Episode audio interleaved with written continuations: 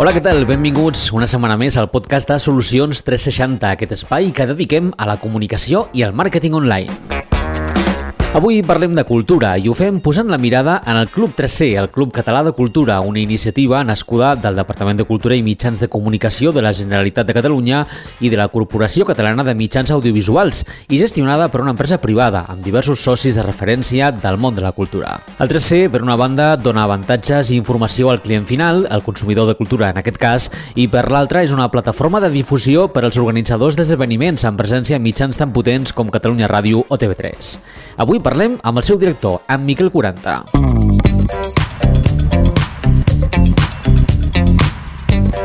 Miquel, benvingut i gràcies per acceptar la nostra invitació. Hola, què tal? Gràcies a vosaltres. Per posar-nos en context, explica'ns breument què feu exactament al 3C. Uh, a veure, nosaltres el que fem és, per una banda, facilitar a tota una comunitat de gent, són allò abans de la cultura, tenim 46.000 socis i per tant tenim una gran comunitat de gent que consumeix cultura i per una banda el que fem és a aquesta gent els hi facilitem diguem-ne el gran gruix de la cartellera cultural de, del país amb les millors condicions possibles. I això vol dir en forma de descomptes, en forma d'avantatges, en forma de vendes anticipades, o d'algun tipus de, de servei afegit a l'espectacle. Això per una banda. I per l'altra banda, ens dediquem a, a organitzar propostes que nosaltres en diem de valor afegit per als nostres socis, propostes que només poden fer gràcies al fet de ser del Club 3C, i aquí van des d'activitats senzilletes com una preestrena de cinema fins a esdeveniments complicats i massius com el Mercat de Nadal del Llibre, que plega 10.000 persones. I això al cap de l'any, d'activitats aquestes, entre petites i grans, amuntem vora 400. Això és bàsicament el que fem. Has parlat en un moment de dos conceptes clau en el màrqueting d'avui dia, comunitat i valor afegit.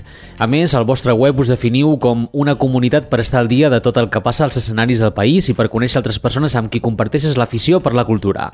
En definitiva, una comunitat i alguna cosa diferent, un valor afegit, és el que busca el consumidor, oi? Sí, jo crec que això, és una mica el que busquem tots. Vull dir, al final tots busquem sentir-nos especials, el que passa que per la via de voler-nos tots sentir especials i per la via que totes les empreses eh, proveïdors, generadors de continguts, intermediaris, etc etc, eh, viuen en l'obsessió per fer sentir especial als seus usuaris, al final em fa la sensació a vegades que, que, que tots acabem sent el més comú i, i ordinari de, del món mundial. Eh, per això nosaltres eh, intentem aportar, el, el, intentem que el nostre valor afegit sigui tan tangible com pagar menys per una entrada, o sigui tan tangible com dir-li a algú, escolti, mm, a vostè què li agradaria que el Club 3C organitzés per vostè i què troba a faltar, no? I llavors, si tenim prou gent per fer-ho possible, ho fem possible.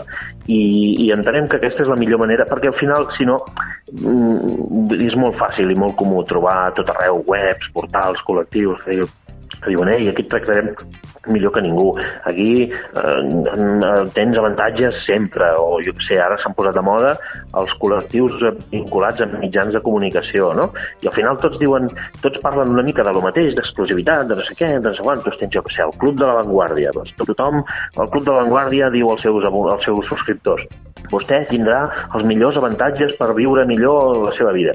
I al final, eh, la gent que forma part d'aquest col·lectiu el que volen és tenir un mitjà de comunicació solvent, creïble eh, i que faciliti la millor informació de la millor manera. I aquest per mi és, seria l'avantatge tangible d'una fidelització al voltant d'un mitjà de comunicació. Per això dic que nosaltres, el nostre valor afegit és fer molt tangible tot allò que nosaltres expliquem que farem als nostres socis. Eh, gràcies al 3C vostè coneixerà més gent per anar al teatre, amb la que pot eh, relacionar-se bé per afinitat, etc etc. Collons, ho fem i ja està. És, és això, és tan fàcil com això. Si t'hi fixes, avui en dia, en, en, en, amb la revolució digital, tu parla, tothom parla molt d'experiències úniques, tothom parla molt d'exclusivitat, etc etc etc. Escolta, exclusivitat, avui en dia, o no sé, o ets milionari o no tens exclusivitat. Saps què vull dir?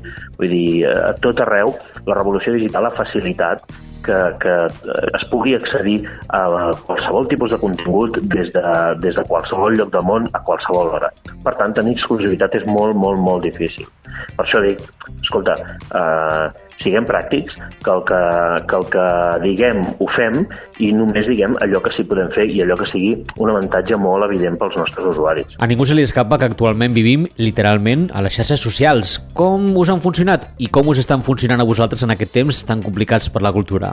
Uh, a veure, és una resposta complicada, perquè eh, jo mateix, que vaig crear la primera pàgina de Facebook del Club 3C, en aquell moment creia molt que era una bona eina per comunicar-nos amb els nostres socis. A mesura que ha anat evolucionant les xarxes i el model de les xarxes socials, vull dir, Facebook mateix fa només 5 anys no tenia res a veure amb el que és ara. Vull dir, abans era una xarxa social i ara una xarxa que relaciona continguts eh, editorials o d'empresa o promocionals eh, amb usuaris. Vull dir, ara amb, amb el que et relaciones a Facebook és amb els teus amics o amb els teus entorns mm, de persones. Per tant, eh, jo cada vegada menys, cada vegada més això de socials ho poso més en qüestió. Eh, deia, a nosaltres ens servia per comunicar-nos amb els nostres usuaris, però no per crear una comunitat al voltant de la nostra marca.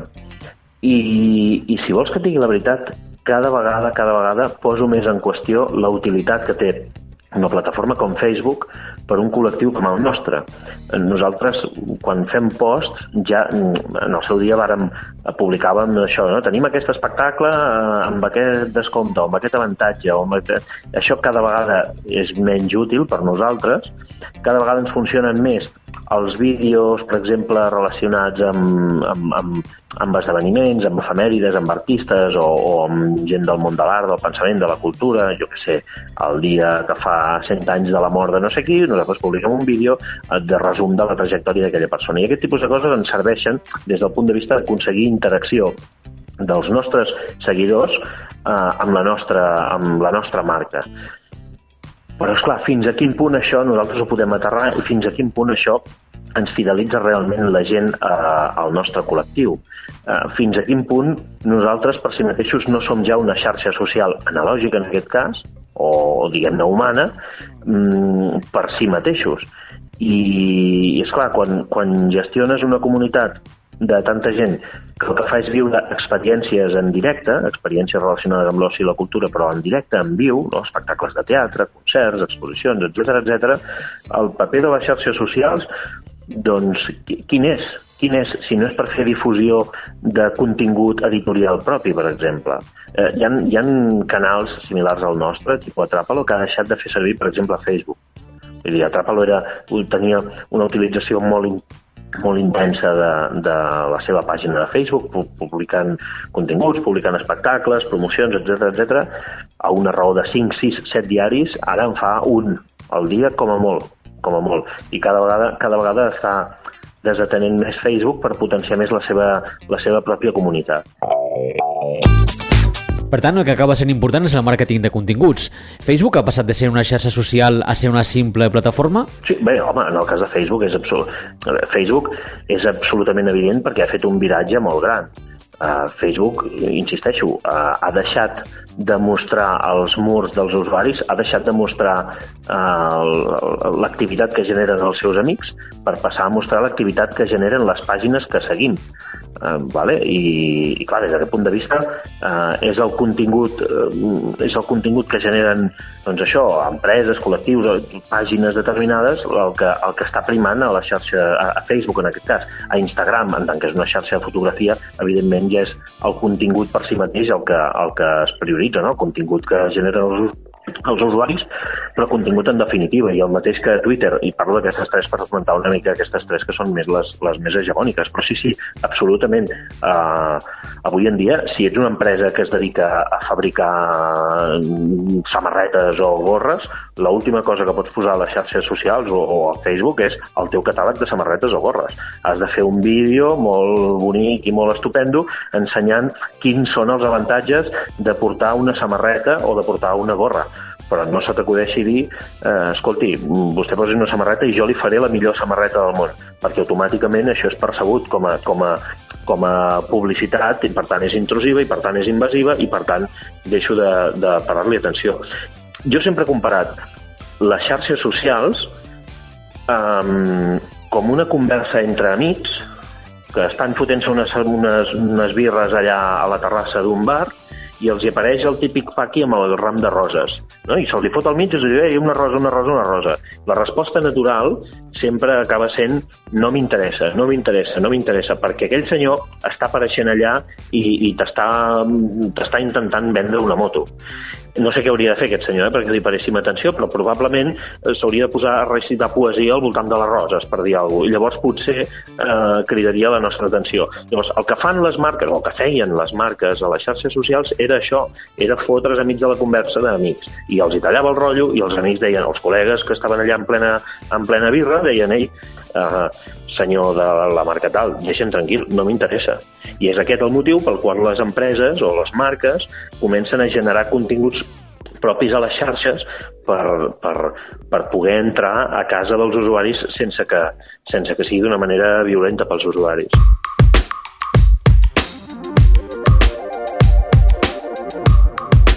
Miquel, tu ets home de ràdio. Això estic segur que s'ha de notar d'alguna manera en els missatges que transmeteu.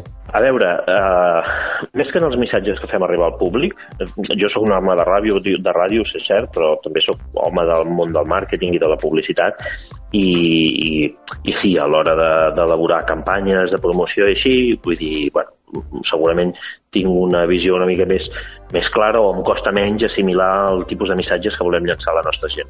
El que jo crec que, que com a persona de ràdio he aplicat al club és que la ràdio exigeix una versatilitat, una versatilitat professional enorme. Vull dir, la gent que treballem a la ràdio mm, dintre de, dels pals que es toquen a la ràdio, eh, toquem tots de tot, som gairebé navalles suïsses i jo de la ràdio vaig importar al Club 3C la mentalitat de ei, si no tenim oferta de concerts, muntem nosaltres concerts. No? I jo vinc del món de la ràdio i conec mm, promotors, conec empreses que es dediquen al lloguer d'infraestructures, conec mànagers, etc etc. fem-ho nosaltres. No? Que és, és aquesta versatilitat. El Club 3C és una empresa que té 45.000 usuaris, eh, però al final és una empresa que té 17 treballadors i és una empresa petita i, i clar, fixa't que al principi he dit que organitzem 400 activitats al cap de l'any. Com 17 persones gestionen 400 activitats, a més a més d'una oferta de 1.000 continguts diaris per una comunitat de 45.000 persones. Doncs això és amb, amb la filosofia aquesta del món de la ràdio, de tots fem de tot i tots ens arremanguem a l'hora de fer el que faci falta. A banda de tot això i en clau més personal, Miquel 40 és un dels impulsors de Ràdio Capital de l'Empordà, una petita emissora del Baix Empordà. En aquest podcast sempre insistim que el màrqueting i la comunicació és per tothom, per grans i per petits. I veig que a la ràdio, en aquesta ràdio, això ho teniu molt ben assimilat. Sí, uh, uh, és que... Um, clar, jo, l'equip de gent de la ràdio, i em consta que coneixes una mica, a l'equip de gent de la ràdio, jo sempre dic el mateix, nosaltres no competim. Eh, allà, al Baix Empordà hi han sis o set emissores locals, val? I jo sempre penso, nosaltres no competim amb Ràdio Palafrugell, ni amb Ràdio Palamós, ni amb la ràdio de la Bisbal, ni amb Ràdio Platja d'Aro, ni amb Ràdio Sant Feliu. No hi competim. Al contrari, aspiro a que puguem treballar conjuntament cada vegada que, que tinguem la, la possibilitat de sumar. Perquè si una cosa té la ràdio local és que no tenim mai ni un duro. Per tant, en tant que els nostres competidors no són els nostres homòlegs, nosaltres competim amb les emissores grans. Nosaltres competim amb rac amb Catalunya Ràdio, amb la SER, amb els 40, amb Ràdio Flashback, amb Ràdio Teletaxi, competim amb les emissores grans perquè entenem que és l'única manera que tenim la capacitat d'anar pujant una mica més. Perquè si, si el nostre objectiu ens el fixem en els nostres iguals, vull dir, mal assumpto. Mm, vaja, jo prefereixo ser uh, l'últim equip de la primera divisió que el primer equip de la segona. Vull dir, a vegades dic, som el Rayo Vallecano de, de, la, de la ràdio, però som el Rayo Vallecano i, i això vol dir que som a primera, i això vol dir que si som a primera i som a la cua, tenim possibilitats d'anar pujant. Segurament li costi més a RAC1 mantenir-se com a emissora líder que nosaltres anar pujant posicions.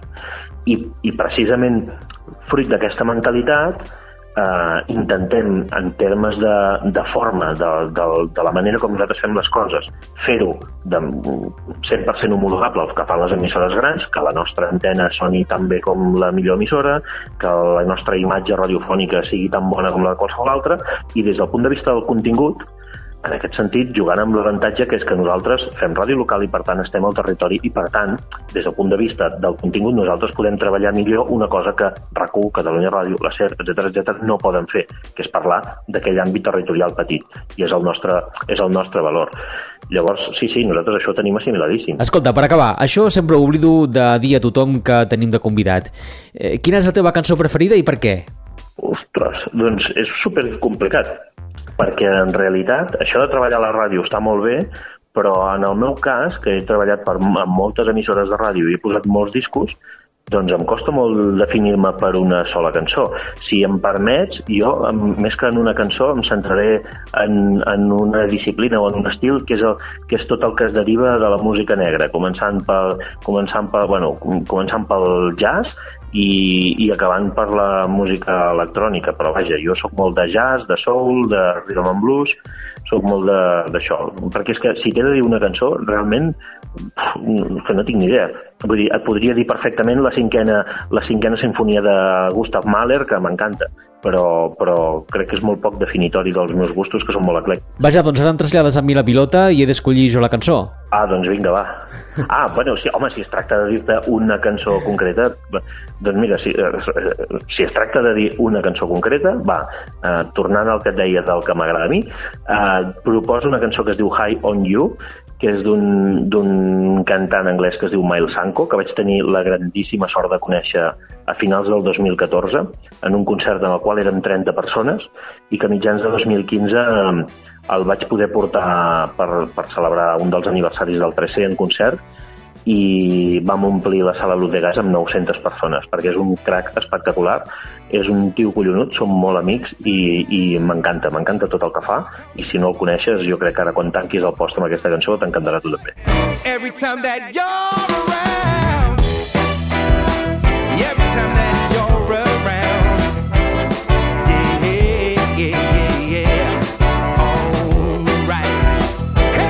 Miquel 40, director del Club 3C, el Club Català de Cultura, moltíssimes gràcies pel teu temps i fins aviat. A vosaltres, que vagi molt bé, Josep Lluís.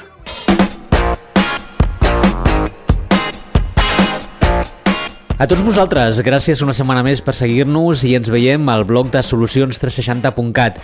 Si us agrada aquest podcast, el podeu compartir a les vostres xarxes. Fins aviat!